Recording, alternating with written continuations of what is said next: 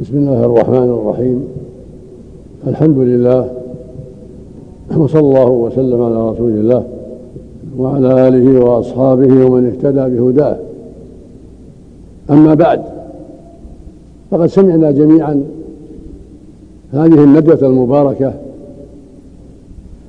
في موضوع عظيم جدير بالعنايه وهو موضوع الدعاء وأسبابه. وأسباب الإجابة وموانع الإجابة من أصحاب الفضيلة الشيخ عمر بن سعود بن عيد والشيخ سعيد بن علي القحطاني والشيخ عبد السلام برجس وقد أجادوا وأفادوا جزاهم الله خيرا قد أوضحوا ما ينبغي إيضاحه في هذا المقام العظيم وبينوا كثيرا من أسباب الإجابة وكثيرا من موانع الإجابة. وبينوا أيضا وقائع تشهد بالإجابة لمن تعاطى الأسباب وأخذ بالأسباب. وبينوا أيضا ما وقع للنبي الكريم عليه الصلاة والسلام من استسقاء وما يسر الله من الإجابة السريعة لدعوته عليه الصلاة والسلام. وفيما أوضحوا خير كثير وفوائد جمة وعلم نافع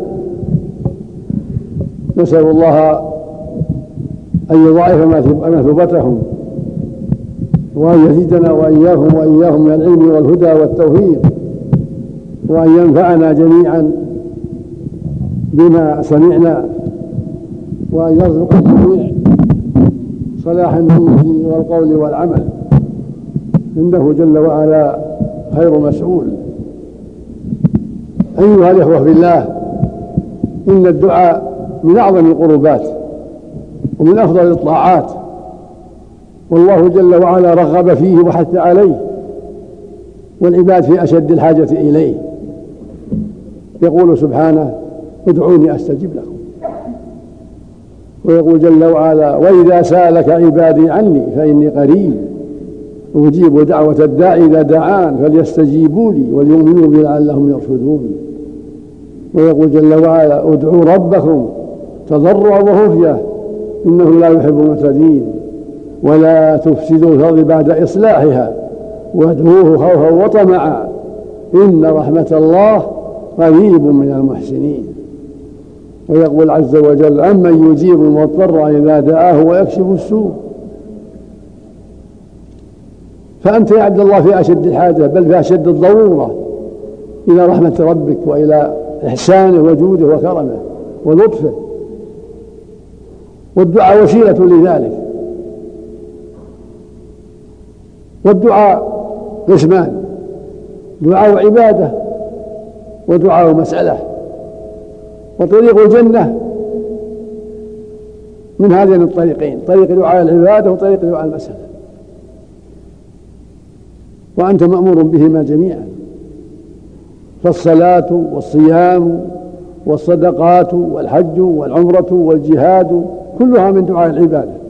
كلها عبادات تدعو بها في معنى ترجو من ورائها فضل ربك ورحمته وإحسانه ودخول الجنة والنجاة من النار.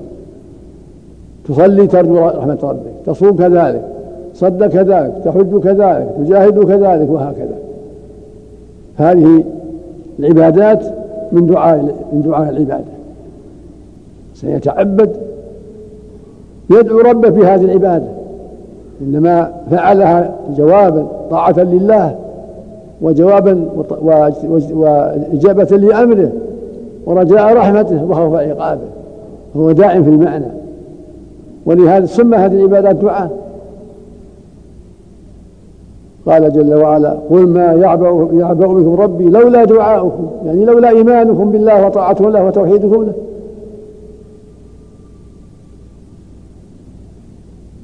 ويقول جل وعلا وأن المسائل فلا تدعو مع الله أحدا. يشمل دعاء المسألة ودعاء العبادة لا تدعو مع الله أحدا بمسألة ولا بالعمل كالسجود لغير الله والذبح لغير الله ونحو ذلك.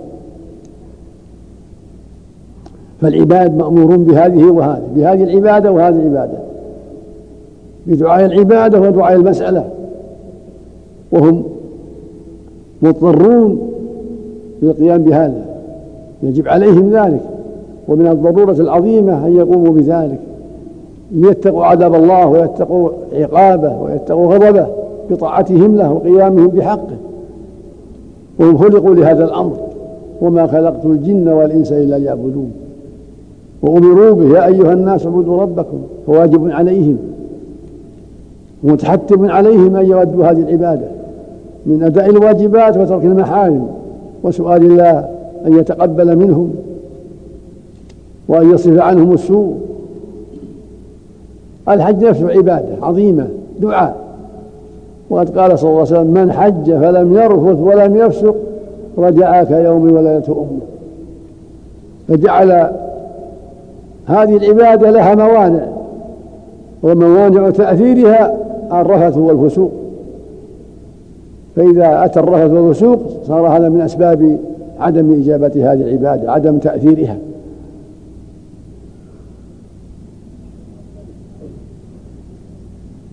فالدعاء له موانع وله أسباب. أسباب إجابة وموانع الإجابة فالخضوع لله والانكسار بين يديه جل وعلا وكثرة الضراعة والإلحاح في الدعاء وتحري أوقات الإجابة من أسباب الإجابة. من دعا ربه بقلب حاضر منكسر خاشع خاضع يعلم أن ربه موجب الدعاء وأنه الغني. وأنه سبحانه وتعالى غاير على ذلك واجتنب المعاصي وحذر المعاصي وأخلص لله في العمل واستقام على الطاعة فقد أتى بالأسباب.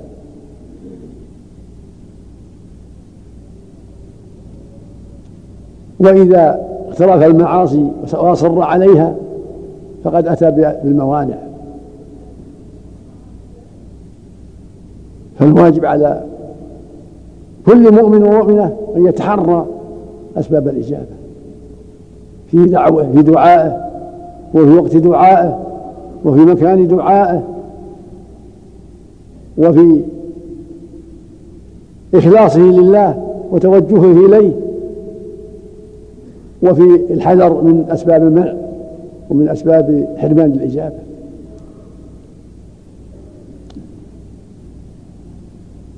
ولهذا يقول عليه الصلاة والسلام يستجاب للعبد ما لم يدعو بإثم أو قطيعة رحم ما لم يعجل ما لم يستعجل فيستحسر ويدع الدعاء. سئل عن الاستحسار عن العجلة ما هي العجلة؟ قال أن يقول دعوت ودعوت فلم أره يستجاب لي فيستحسر عند ذلك ويدع الدعاء. وهذا من الجهل. لأن الدعاء له أسباب وله موانع. ولله في حكمة قد يؤجل وقد قد تعجل الإجابة وقد تؤجل. فعليك بالجد في الدعاء. وأنت على خير. أنت في الدعاء على خير. تؤجر على الدعاء. كل ما دعوت ربك فأنت على خير. تؤجر. أنت في حسنات. وإن لم تجب فالدعاء نفسه عبادة تؤجر عليه. إذا دعوت ربك وأخلص صلاة فأنت على خير. أنت على أجر. تؤجر على العبادة على دعاء ربك. فانتظر الإجابة وألح في الدعاء. يقول جل وعلا واسأل الله من فضله. فقد تؤجل الإجابة رحمة من الله لك حتى تستمر في الدعاء حتى تحاسب نفسك تنظر في عيوبك. تقول لماذا تأخرت الإجابة؟ تنظر. تحاسب نفسك حتى تدع المعاصي. قد يكون عندك معاملة ربوية وأنت تعامل بالربا فمنعت الإجابة. قد تكون عاقا لوالديك فمنعت الإجابة. قد تكون تعاطى الزنا منعت الإجابة. قد تكون تشرب الخمر منعت الإجابة. قد تكون صاحب غيبة ونميمة منعت الإجابة. فانظر حاسب نفسك. انظر. الرسول يقول ما لم يدعو بإثم الإثم المعصية الإثم المعاصي هذا الإثم. قطيعة الرحم. الأقارب أن تدعو على قريبك على أبيك على أخيك على عمك بغير حق. هذا من قطيعة الرحم. ونفس القطيعة من المعاصي أيضا من أسباب المنع. كما أن العقوق كذلك للوالدين من أسباب المنع. ولهذا يقول صلى الله عليه وسلم ما من عبد يدعو الله بدعوة ليس فيها إثم ولا قطيعة رحم. إلا أعطاه الله بها إحدى ثلاث. يعني يسلم من الموانع إذا كانت الدعوة سالمة من الموانع. إما أن تعجل له دعوته في الدنيا وإما أن تدخر في الآخرة وإما يصرف عنه من الشر مثل ذلك. قيل رسول الله؟ إذا نكثر قال الله أكبر لأن الله أكثر منكم إجابة وعطاء وفضلا وجودا وكرما سبحانه وتعالى. لكنه سبحانه رحيم جواد كريم. من رحمته أن أجل الإجابة. من رحمته لك أن أجل الإجابة حتى تحاسب نفسك. حتى تنظر ما هي الأسباب التي أقتضت هذا التأخير. وإذا حسبت نفسك وجدت العيوب. الكثيرة إذا حسبتها وجدت العيوب. قد تكون مقصرا في الصلاة مقصرا في الزكاة مقصرا في الصيام مقصرا في حج البيت مقصرا في حق والديك إلى غير ذلك. حاسب نفسك. أد الصلاة كما أمر الله في أوقاتها في المساجد مع إخوانك في بيوت الله. هذا واجب عليك. أدها بإخلاص وصدق وإخلاص لله لا رياء للناس. يقول النبي صلى الله عليه وسلم من سمع النداء فلم يأتي فلا صلاة له إلا من عذر قيل يا رسول الله قل يا قل ابن عباس ما هو العذر؟ قال خوف أو مرض وقال وجاء رجل أعمى فقال يا رسول الله ليس لي قائد يقود المسجد فهل لي من رخصة أن أصلي في بيتي؟ قال هل تسمع قال له الرسول هل تسمع النداء بالصلاة؟ قال نعم قال فأجب رجل أعمى يقال له أجب ليس له قائد كيف أنت يا أيها المسلم الصحيح السليم البصير وأنت تأخر تنام عن صلاة الفجر وعن غيرها من الصلوات وتساهل هذا أمر عظيم. قد شابهت المنافقين. بادر بالصلوات وحافظ عليها في الجماعة في مساجد الله. حاسب نفسك وجاهدها. هكذا في الزكاة حاسب نفسك وأخرجها كما أمر الله. هكذا في صوم رمضان حاسبها صم كما أمر الله. صم صيامك صنه عن الغيبة والنميمة والمعاصي. صل صياما صحيحا سليما من المعاصي. وهكذا حجك إذا حججت. صنه عما حرم الله من الرفث والفسوق وفسوق المعاصي. حتى ينفع حجك حتى يقبل حتى يغفر لك ذنبك.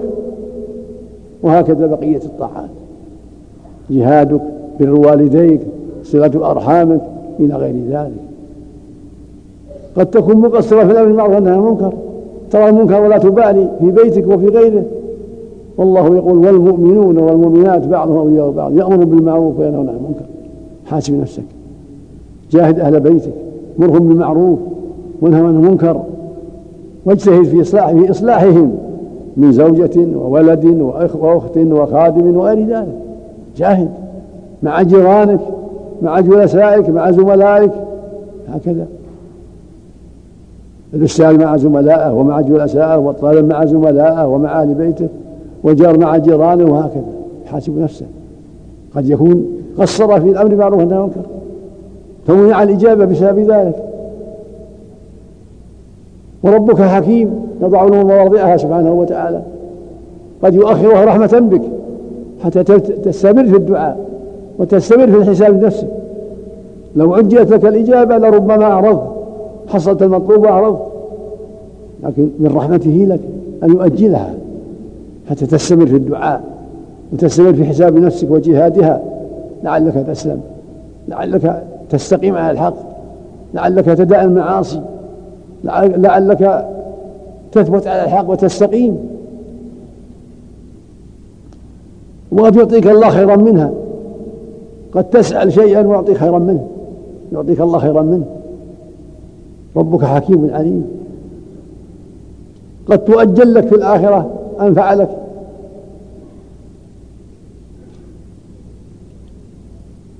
في الحديث الصحيح يقول صلى الله عليه وسلم إن الله إن الله تعالى طيب ولا يقبل إلا طيبا. ثم قال في آخره ذكر الرجل يطيل السفر أشعث أغبر يمد يديه إلى السماء. يا رب يا رب ومطعمه حرام ومشربه حرام وملبسه حرام ووجهه بالحرام فأنا يستجاب لذلك منعت منعت الإجابة بسبب تعاطيه الحرام. يأكل من الربا أو من الغش والخيانة أو من غير ذلك. ويديه يرفع يديه إلى السماء ومع هذا منع. يرفع يديه يقول يا رب يلح في الدعاء ومع هذا منع. لما تعاطى من الحرام. والرسول بين قال ما يمدعو بإثم أو قطيعة رحم. الإثم معصية وقطيعة الرحم معروف. والله جل وعلا جواد كريم. إنما أمره إذا أراد شيئا أن يقول له كن فيكون سبحانه وتعالى. الرسول صلى الله عليه وسلم لما اشتكى اشتكى عليه الناس الجد وهو على المنبر اشتكوا عليه الجد. جاء رجل قال يا رسول هلكت الأموال وانقطعت السبل فادعوا الله يغيثنا. فرفع يديه عليه الصلاة والسلام. ثم قال اللهم أغثنا اللهم أغثنا اللهم أغثنا فأنشأ, الله السحاب وأمطرت السماء وهو في المسجد. وهو في المسجد. حتى خرج من المسجد كل واحد يحرص على أن يصل إلى بيته. أجاب الله الدعاء في الحال. ثم استمر مطر إلى جمعة أخرى. فجاءه رجل قال يا رسول الله هلكت الأموال وانقطعت السبل فادعوا الله يمسكها عنا. يمسك المطر. فرفع يديه وقال اللهم حوالينا ولا علينا. اللهم على الضرام والآكام وبطون الأودية ومنابت الشجر قال أنس فأقلعت. يعني أقلع السحاب حتى خرج الناس في الحال يمشون في الشمس. هذه آيات الله. كن فيكون. وهذه من دلائل صدق رسول الله وأنه رسول الحق. من دلائل نبوته وأنه رسول الله حق عليه الصلاة والسلام. حالا أجب الله الدعوة. إنما أمره إذا أراد شيئا أن يقول له كن فيكون. وفي الصحيحين عن النبي صلى الله عليه وسلم أن ثلاثة ممن قبلنا ثلاثة. أراه مطر والليل إلى غار بسبب المطر والليل أو إلى الغار. يبيتون يتقون المطر. فانحدرت عليهم صخرة من من فوق بأمر الله جل وعلا. صخرة عظيمة سدت عليهم الغار بأمر الله جل امتحان وابتلاء. يري الله عباده العبر ويريهم فضله وقربه وأنه سبحانه على كل شيء قدير. إنما أمره إذا أراد شيء يقول يكون فيكون. يريهم ويري غيرهم ممن تبلغه القصة. وهذا الحديث من أصح الأحاديث عن رسول الله صلى الله عليه وسلم. فلما رأوا الصخرة سدت الباب ولا يستطيعون دفعها عظيمة. قالوا فيما بينهم؟ إنه لن يخلصكم من هذه الصخرة إلا أن تدعوا الله بصالح أعمالكم. سلوا الله بصالح أعمالكم. فقال أحدهم اللهم إنه كان لي أبوان شيخان كبيران وكنت لا أغبق قبلهما أهلا ولا مالا. كان مدوي يرعى يرعى فإذا جاء في الليل جاب الحليب من إبله يسقي والديه فنعى به طالب الشجرة تلك الليلة فتأخر. فلما جاء إليهما إذا هما قد ناما. ومن بره بهما واحترامه لهما كره إيقاظهما. وكره أن يسقي زوجاته زوجته أو عياله قبله. فوقف وقدحوا على يديه. ينتظر لعلهما يستيقظان. فلم يزل واقفا ينتظر حتى برق الفجر استيقظا وسقاهما. ثم قال اللهم إن كنت تعلم أني فعلت هذا ابتغاء وجهك فافرج عنا ما نحن فيه. يعني ما صبر إلا رجا ما عند الله. صبر وقد على يده ينتظر. ولم يوقظهما احتراما لهما وبرا لهما. اللهم إن كنت تعلم أني فعلت هذا ابتغاء وجهك فافرج عنا فانفرجت الصخرة قليلا. يريهم الله جل وعلا إجابته. إن فرجت الصخرة قليلا لا يستطيعون الخروج. ثم قال الثاني اللهم إنه كانت لي ابنة عم. وكنت أحبها كأحب كأشد ما يحب الرجال النساء. وإني طلبتها في نفسها فأبت. طلبها الزنا فأبت. خوفا من الله جل وعلا. ثم إنها ألمت بها سنة أصابتها حاجة فجاءت إليه. قال يا عبد الله أنا محتاجة أريد كذا وكذا. قال ما يمكن حتى تمكني من نفسك. لا أعطيك شيء يعني حتى تسمحي بالزنا. من شدة الضرورة وافقت. وأعطاها مئة دينار وعشرين دينار. مئة جنيه وعشرين جنيه. ذهب. فلما جلس بين رجليها خافت. جاءها خوف الله. قالت يا عبد الله اتق الله. ولا تفض الخاتم إلا بحقه لا تجامعني إلا بحق. يعني بنكاح زواج اتق الله ولا تفض الخاتم إلا بحقه فالرجل خاف وتحرك قلبه خوفا من الله جل وعلا وقام قام عنها ولم يجامعها ولم يأتي الزنا. قال اللهم إن كنت تعلم أني فعلت هذا ابتغاء وجهك. يعني ما قمت معها مع القدرة عليها إلا خوفا منك. اللهم إن كنت تعلم أني فعلت هذا ابتغاء وجهك فافرج عنا ما نحن فيه. فانفرجت الصخرة زيادة. انفرجت زيادة. وهي تركها ترك لها الذهب ما أخذ الذهب منها تركه لها. ثم قال الثالث اللهم إنه كانت لي أجرة كان لي أجرة يعني عمال استأجرهم فأعطيت كل واحد منه أجره إلا واحد بقي أجره عندي. فنميته له وثمرته له فصار منه إبل وبقر وغنم ورقيق. ثم جاءني يطلب أجره. فقلت له كل ما ترى من أجرك هذه الإبل والبقر والغنم والعبيد كلها من أجرك. هو أصلا كان عنده أصلا من أرز أو ذرة. هذه أجرته. صار يتجر فيها ويبيع فيها ويشتري حتى اشترى منها إبل وبقر وغنم بالنية لهذا العامل حتى يأتي. فاجتمع عنده إبل وبقر وغنم ورقيق قال يا عبد الله لا تستهزئ بي. لا تستهزئ. استنكر أن يكون هذا من أجره. قال إني لا أستهزئ بك. كل هذا من مالك. خذه قال فاستاقه كله. اللهم إن كنت تعلم أني فعلت هذا ابتغاء وجهك. فافرج عنا ما نحن فيه. فانفرجت الصخرة وخرجوا هذه آيات الله. آية الله يبين لعباده أنه على كل شيء قدير وأنه يبتلي عباده بالسراء والضراء ابتلاهم بالضرة والشدة بهذه الصخرة. ثم يسر لهم هذا الدعاء وهذا التوسل. ثم فرج كربتهم بأسباب أعمالهم الطيبة وطاعتهم لله. ولجأهم إليه سبحانه وتعالى. هكذا أنت يا عبد الله جاهد نفسك. واعلم أن ربك الذي أجاب دعاءهم يجيب دعاءه والإنسان في حاجة في حاجة إلى الاستغفار والتوبة والإنابة. كما قال سبحانه قل يا عبادي الذين أسرفوا على أنفسهم لا تقنطوا من رحمة الله. إن الله يغفر الذنوب جميعا إنه هو الغفور الرحيم. يعني للتائبين. كان الصحابة يعد النبي صلى الله عليه وسلم في المجلس الواحد مئة مرة مئة مرة. يقول اللهم اغفر لي وتب علي إنك أنت التواب الرحيم. مئة مرة. اللهم اغفر لي وتب علي إنك أنت التواب الغفور إنك أنت التواب الرحيم. مئة مرة. كما قال ابن عمر. وهو رسول الله مغفور له. في المجلس الواحد مئة مرة.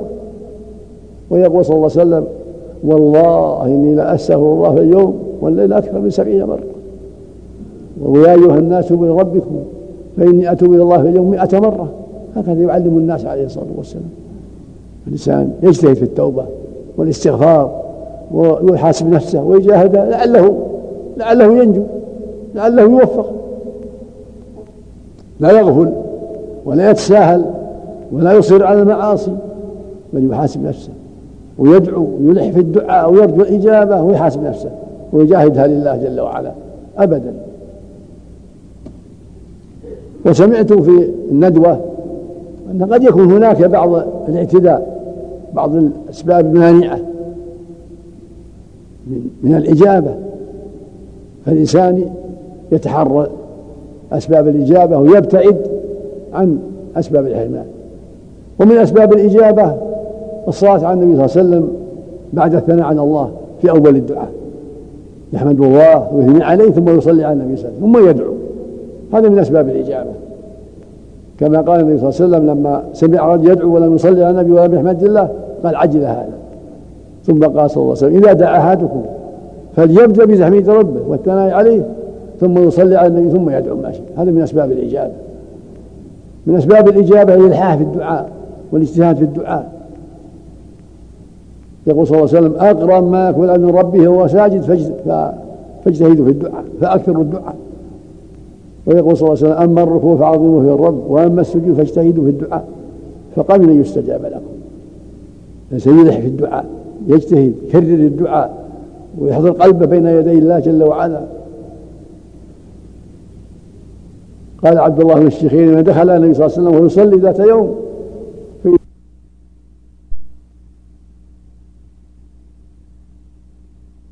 في الدعاء ويجتهد في الدعاء ويخلص لله جل وعلا يرجو رحمته ويخشى عقابه سبحانه وتعالى ويحذر أكل الحرام وأسباب المعا وأسباب المنع من المعاصي.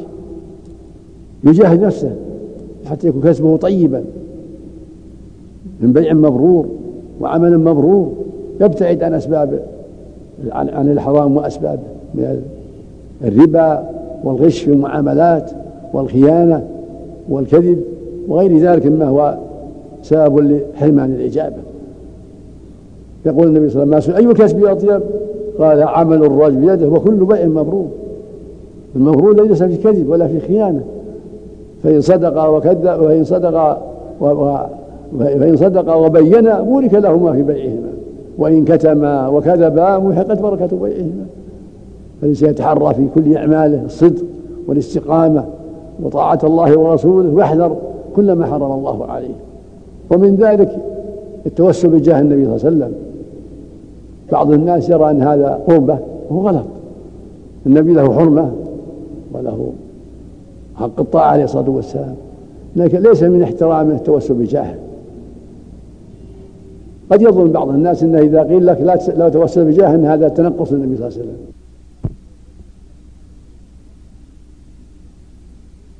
اذا أردت أن يسمع الله قولك وأن يقبل عملك فاتبع النبي صلى الله عليه وسلم.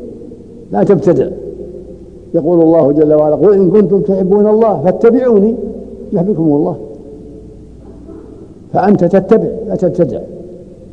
قل اللهم إني أسألك بمحبة نبيك بإيماني بنبيك. هذه وسيلة. أما الجاه ما هو وسيلة بدعة. لكن تقول اللهم إني أسألك بإيماني بنبيك بمحبة نبيك بطاعة نبي هذا طيب. هذه وسيلة شرعية. توسل بإيمانك بالله ورسوله بطاعة الله ورسوله. هذه وسيلة. أما جاه وذات لا. ولهذا لما أجذبوا في عهد عمر رضي الله عنه ما توسل بالنبي بجاه النبي. توسل بالعباس بدعاء العباس. طلب ابن عباس عم النبي صلى الله عليه وسلم أن يدعو أن يقوم يدعو والناس يؤمنون. قال قال الله قال خطبة في المنبر اللهم إنا كنا إذا أجبنا نستسقي بنبيك فتسقينا وإنا نستسقي بعم نبيك فأسقنا. عرف عمر أنه لا يتوسل بجاهه بعد وفاته صلى الله عليه وسلم ولكن يتوسل بدعاء الحاضرين. كان في حياته يدعو ويؤمنون على دعاء عليه الصلاة والسلام. فلما توفي انتقل ذلك إلى غيره. فلا يدعى بعد وفاته ولا يطلب منه يستسقي ولا يطلب منه الشفاعة بعد وفاته لا هذا في حياته. يقول يا رسول الله اشفع لنا ادعو الله لنا في حياته صلى الله عليه وسلم. وهكذا يوم القيامة وهو قائم بين يدي الناس يقول له الناس يوم القيامة اشفع لنا ربك لأن حاضر بين أيديهم. أما قد توفي في البرزخ قبل القيامة لا لا يقال اشفع لنا ولا ادعو الله لنا. ولهذا عدل عمر رضي الله عنه. عن الاستشفاع به والاستسقاء به واستسقاء بالعباس لا بذات لا بذات العباس ولكن بدعاء العباس. قال قم يا عباس فادعو الله لنا فقام ودعا وأمن الناس. ومعاوية رضي الله عنه في الشام لما أجدبوا أمر الصحابي يزيد الأسود أن يدعو الله وان يؤمن كما فعل عمر مع العباس. فإذا قلت قال الإمام أو الأمير للناس لفلان قد فادعو لأنه معروف بالصلاح والخير ورجاء الإجابة ادعو يا فلان ودعا وأمنه لا بأس أو قلت لأخي يا عبد الله ادعو الله لي استغفر لي. فلا بأس. كما قال النبي صلى الله عليه وسلم إنه يقدم, عليكم. شخص يقال له أويس القرني. من مراد من قرن من مراد من اليمن. كان برا بأمه وكان به برص فأبرأه الله لم يرضع درهم فمن لقيه منكم فليطلب منه الاستغفار. فلما قدم في عهد عمر طلبوا منه الاستغفار. فاستغفر لهم ثم ذهب في جهة العراق واستخفى عن الناس لما كثروا عليه حتى قتل في سبيل الله. وكان سره أنه كان بارا بامه مطيعا لله وبارا بأمه. فكان مجاب الدعوة بسبب طاعته لله وقيامه بحق الله مع بره بأمة.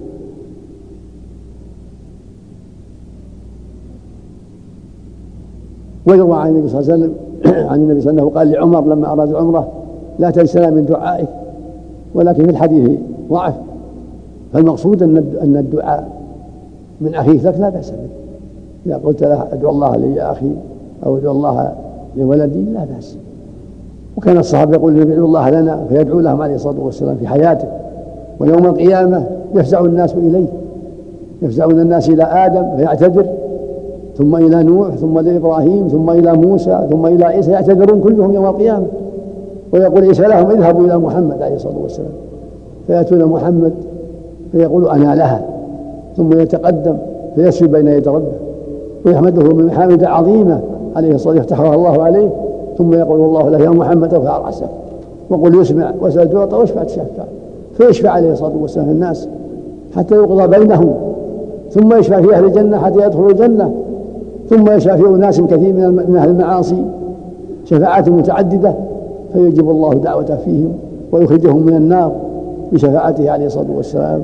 ويشفع المؤمنون وتشفع الملائكة ويشفع الأفراد يوم القيامة. لكن في الدنيا بعد ما مات لا لا يقال يا رسول الله اشفع لنا أو انصرنا أو أو اسأل أو اشف مرضى لا هذا يدعى الله يدعى الله جل وعلا. ولا يدعى النبي صلى الله عليه وسلم ولا غيره. الاموات لا يدعون ولا الغائبون ولا الأشياء لا هذا الشرك الأكبر. كان المشركون يدعون أصنامهم ويدعون الأشياء والأحجار فأرسل الله الرسل تنهاهم عن هذا. أرسل الله الرسل وأنزل الكتب تنهى عن هذا. تبين له من الدعوة لله وحده يدعى الله وحده. أما أن تدعى الأصنام المنحوتة على أصوات الناس أو الأشجار أو النجوم أو الجن هذا هو الشرك الأكبر. أو الأولياء الصالحين مع موتهم أو غيبتهم هذا الشرك الأكبر. أما حي حاضر تقول يا أخي ادعو الله لي لا بأس. حي حاضر يسمع كلامك تقول ادعو الله لي أو أعني على كذا وهو حاضر. أعني على إصلاح السيارة أعني على إصلاح المزرعة أو تستأجره لا بأس. أما أنت تدعو الغائبين لأنك تعتقد أنهم يسمعون سرك وهم بعيدين يسمعون دعاء. هذا الشرك الأكبر أو تدعو الأموات كالأنبياء والصالحين أو تدعو الملائكة الغائبين أو تدعو الجن هذا الشرك الأكبر مثل ما يقول بعض الجهلة يا جن خذوه أو افعلوا كذا وكذا. هذا من الشرك الأكبر. هذه أمور يجب التفطن لها هذه عظيمة. وما يقع في بعض الأمصار وبعض الدول من عبادة القبور وسؤال الأموات والاستغاثة هذا الشرك الأكبر. كما قد يقع عند قبر الحسين أو البدوي في مصر أو غيرهما أو الشيخ عبد القادر الجيلاني في العراق أو الشيخ ابن أو ابن عربي الملحد في الشام. من الدعاء هذه كلها من الشرك الأكبر. وهكذا ما يقع من بعض الحجاج عند قبر النبي صلى الله عليه وسلم. يستغيثون ويدعون هذا الشرك الأكبر. يجب الحذر. وهكذا ما قد يقع من الشيعة عند قبر خديجة في مكة من الشرك الأكبر. أو من بعض القبور في المدينة من بعض الشيعة كل من الشرك الأكبر. دعاء الأموات من الشرك الأكبر. لا يستغاث بالأموات ولا يدعون من دون الله لا الصالحين ولا الأنبياء ولا غيرهم. إنما يدعى الله وحده. أما دعاء الأموات والغائبين أو الأشجار أو الأحجار هذا فعل المشركين فعل قريش وأشباههم. وفعل قوم نوح وقوم هود وقوم صالح وغيرهم من المشركين. بعث الله الرسل بإنكار ذلك. ومنها ومن هنا نعلم ما حصل بسبب دعوة الشيخ محمد من الخير العظيم رحمة الله عليه. كانت هذه البلاد في شر عظيم في القرن الثاني عشر. هناك قبور تعبد من دون الله وأشياء تعبد من دون الله وأحجار. قد بلي بها الناس وشغلوا بها بالشرك ودعائها من دون الله حتى وفق الله الشيخ محمد رحمه الله وبصره الله فنهى الناس ودعاهم إلى الله جل وعلا. وكانت في الجبيلة القريبة ذي قبر زيد بن الخطاب يدعى من دون الله ويعبد حتى هدم على يد الشيخ محمد رحمه الله. وكانوا يدعون يدعون الأموات والأشجار والأحجار في الدرعية وفي العيينة وفي الرياض وفي كل مكان من هذه الجزيرة. وفي مكه المكرمة. في المعنى عليها القبات تدعى من دون الله كذلك في البقيع في المدينة وفي غيرهما.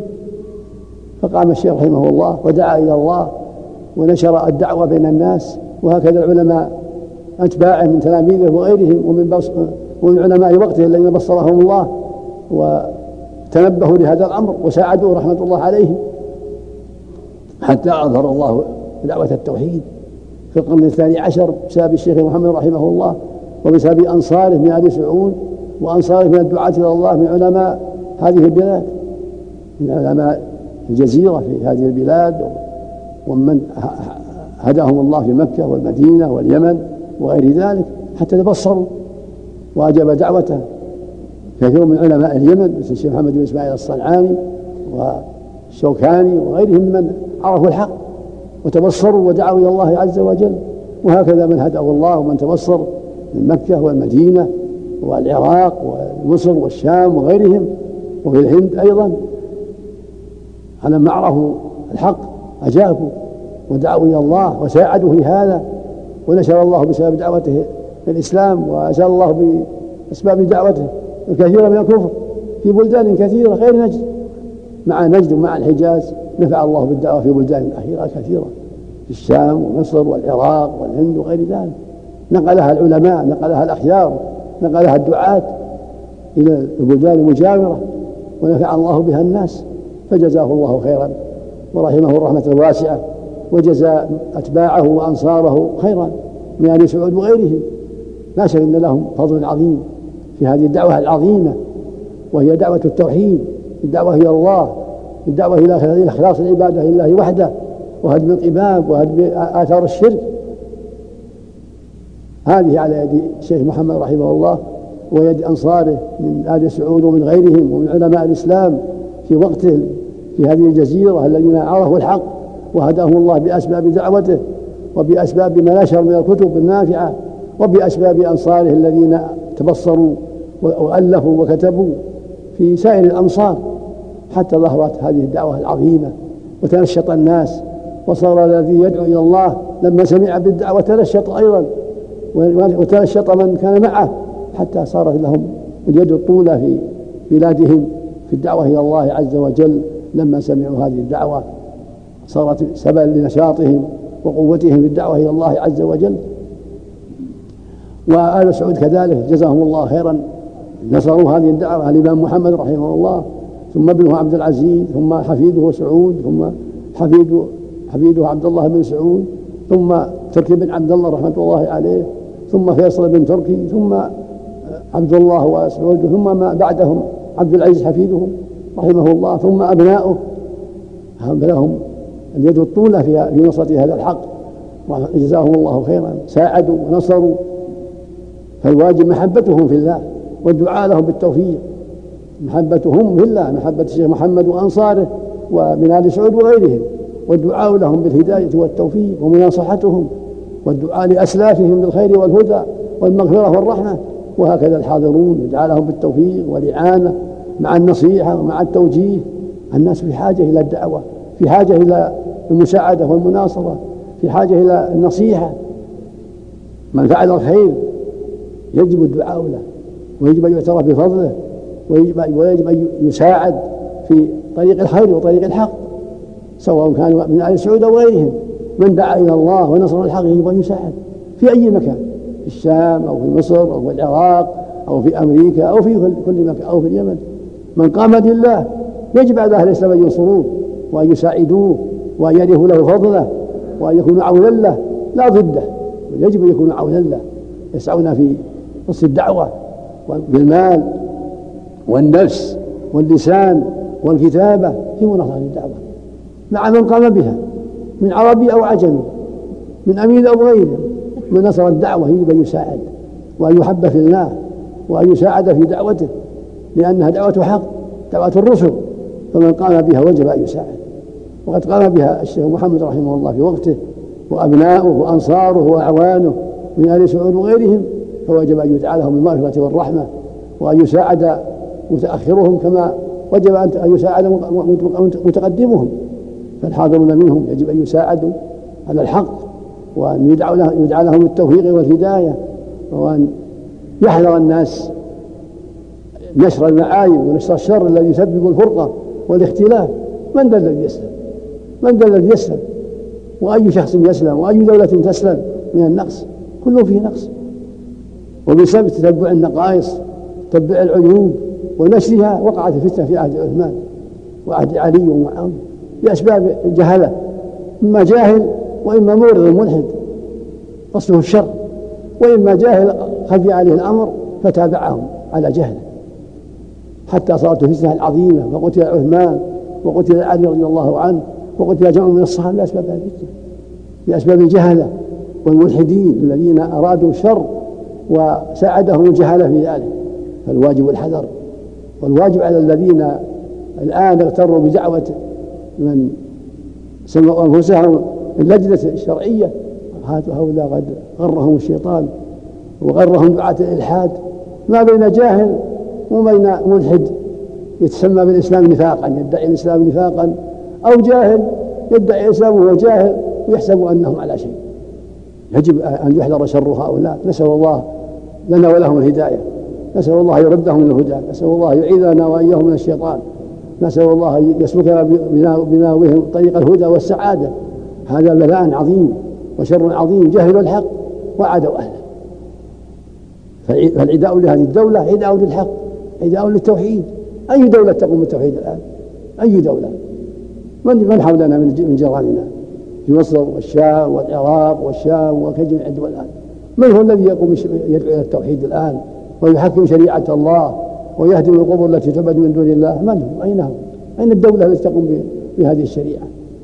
غير هذه الدولة نسأل الله لنا, لنا ولها الهداية والتوفيق والصلاح. ونسأل الله أن يعينها على كل خير. ونسأل الله أن يوفقها لإزالة كل شر وكل نقص. علينا أن ندعو الله لها بالتوفيق والإعانة والتسديد وأن ننصح لها في كل حال. والواجب على كل مسلم في سائر الدنيا أن يدعو الله. لإخوانه المسلمين بالتوفيق والهداية والصلاح لا لا بنشر العيوب ما الذي يسلم؟ من ذا الذي يسلم؟ يقول الله جل وعلا إن الذين يحبون أن تشيع الفاحشة في الذين آمنوا لهم عذاب أليم في الدنيا والآخرة من أشاع الفاحشة حتى لو كانت موجودة من أشاع فكيف إذا كذب وزاد على على غير الواقع وادعى ما لم يقع صار الأمر أشد وأخطر وأعظم ولما كذبوا على عثمان وكذبوا على علي وكذبت الخوارج وكذب دعاة الفتنة والملحدون معه الذين ألحدوا. حصل الشر العظيم فتنة عظيمة في عهد عثمان في القرن الأول أفضل القرون بسبب الجهلة والملحدين. فتنة قام بها ملحدون وجهلة فاغتر بها بعض الناس حتى صلى بها شر عظيم. ولو عرج الأمور بالحكمة والنصيحة والتوجيه إلى الخير لكان هذا هو الطريق هو طريق الهدى ولكنهم عالجوها بغير ذلك حتى أفضى إلى قتل عثمان بغير حق وإلى قتل علي بغير حق وإلى قتل جمع من الصحابة في وقعة صفين ووقعة الجمل كله بأسباب هذه الفتنة التي قام بها الجهال والملحدون. هكذا اليوم دعاة الإلحاد ودعاة الجهل ودعاة الشر كل هذا يسبب شرا عظيما يجب الحذر منه ويجب عدم تلقي شيء من أخبارهم أو أوراقهم بل يجب إتلافها والدعاء لهم بالهداية نسأل الله جل وعلا الهداية ونسأل الله أن يكفينا شرهم وأن يعيد المسلمين من شرهم وشر أمثالهم وأن يهديهم للحق وأن يردهم للصواب فإنهم قد غرهم الغرور غرهم الشيطان وغرهم دعاة الإلحاد حتى سبوا دعاة الحق وسبوا دعاة التوحيد من آل سعود وغيرهم. كل هذا غلط وجهل وضلال. يجب على المسلمين أن يحذروا شر هؤلاء وأن يبتعدوا عن أوراقهم وكتاباتهم التي يكذبون فيها. يجب إتلافها والقضاء عليها ويجب الدعاء لهم بالهداية وأن الله يكفينا شرهم وأن يعيدنا من شرهم وأن يردهم للحق والصواب. نسأل الله يردهم للحق والصواب وأن يهديهم لما يرضيه وأن يعيدنا والمسلمين من شرهم وشر أمثالهم. ونسأل الله أن يصلح أحوال المسلمين وأن يكثر بينهم دعاة الهدى وأن يمنحهم الفقه في الدين وأن يصلح ولاة أمرهم وأن يجعلهم هداة مهتدين وأن يعيد المسلمين من شر كل ذي شر ومن كل داعية باطل. إنه جل وعلا سميع قريب وصلى الله وسلم على نبينا محمد.